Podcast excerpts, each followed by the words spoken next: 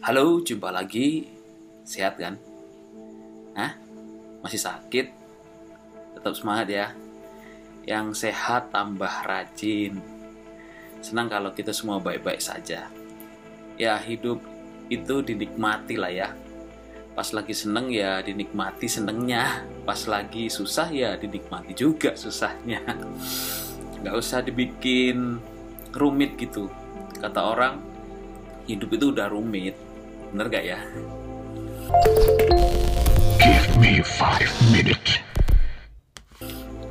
Sebenarnya rumit atau enggak itu tergantung sudut pandang.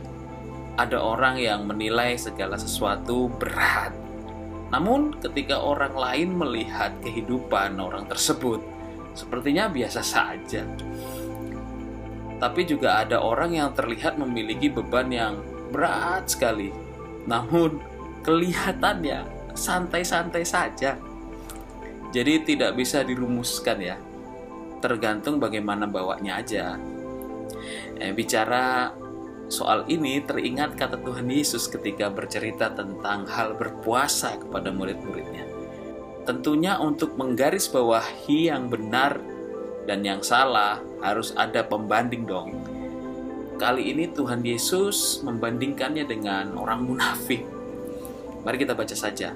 Matius 6 ayat 16 sampai 18. Matius 6 ayat 16 sampai 18. Dan apabila kamu berpuasa, janganlah muram mukamu seperti orang munafik. Mereka mengubah air mukanya supaya orang melihat bahwa mereka sedang berpuasa. Aku berkata kepadamu, sesungguhnya mereka sudah mendapat upahnya.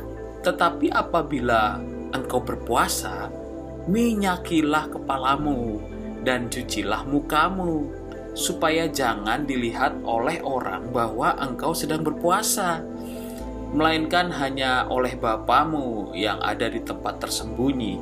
Maka Bapamu yang melihat yang tersembunyi akan membalasnya kepadamu. Lucu juga ya. Kayak manusia zaman ini kelihatannya suci banget.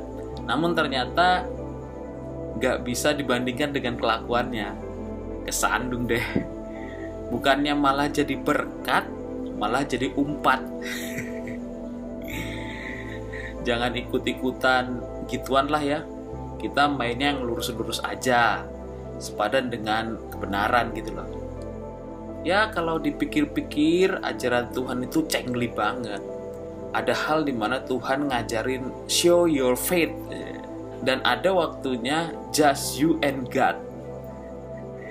Khususnya di hal puasa ini Tuhan ajar gak usah orang lain tahu kalau kita sedang puasa. Artinya berkegiatan sama dengan biasa. Air wajah segar karena disuruh basuh wajahnya minyaki kepala kita. Ya style keren lah gitu. Tuhan juga pernah mengatakan hal yang sama ketika kita diajar tentang berdoa. Ya benar. Kata Tuhan kalau berdoa nggak perlu semua orang tahu. Masuk kamar tutup pintu dan berdoalah kepada Bapa.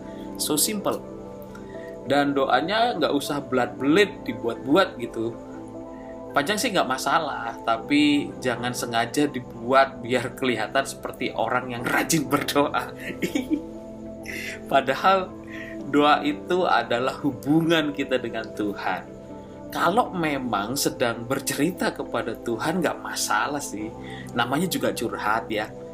Namun kalau dibuat-buat supaya doa kita itu kelihatan lebih keren gitu ya, ya jangan berpikiran ke situlah Apalagi ada orang-orang yang berpikir doa akan dijawab karena panjangnya doa mereka.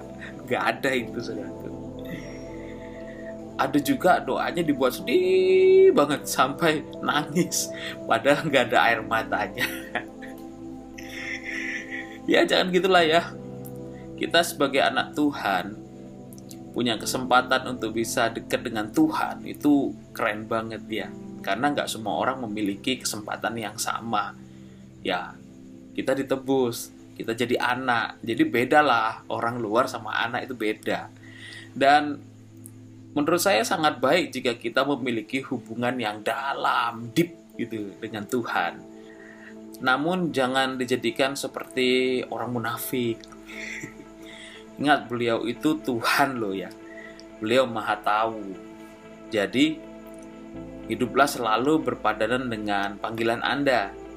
Jangan pernah mengerjakan segala sesuatu bertujuan untuk keinginan kita bisa tercapai dengan apa yang kita kerjakan. Namun berperilakulah seperti selayaknya dan seharusnya anak-anak kerajaan terang. Ya, tetap kuat proses God be with you and God bless you. Amin.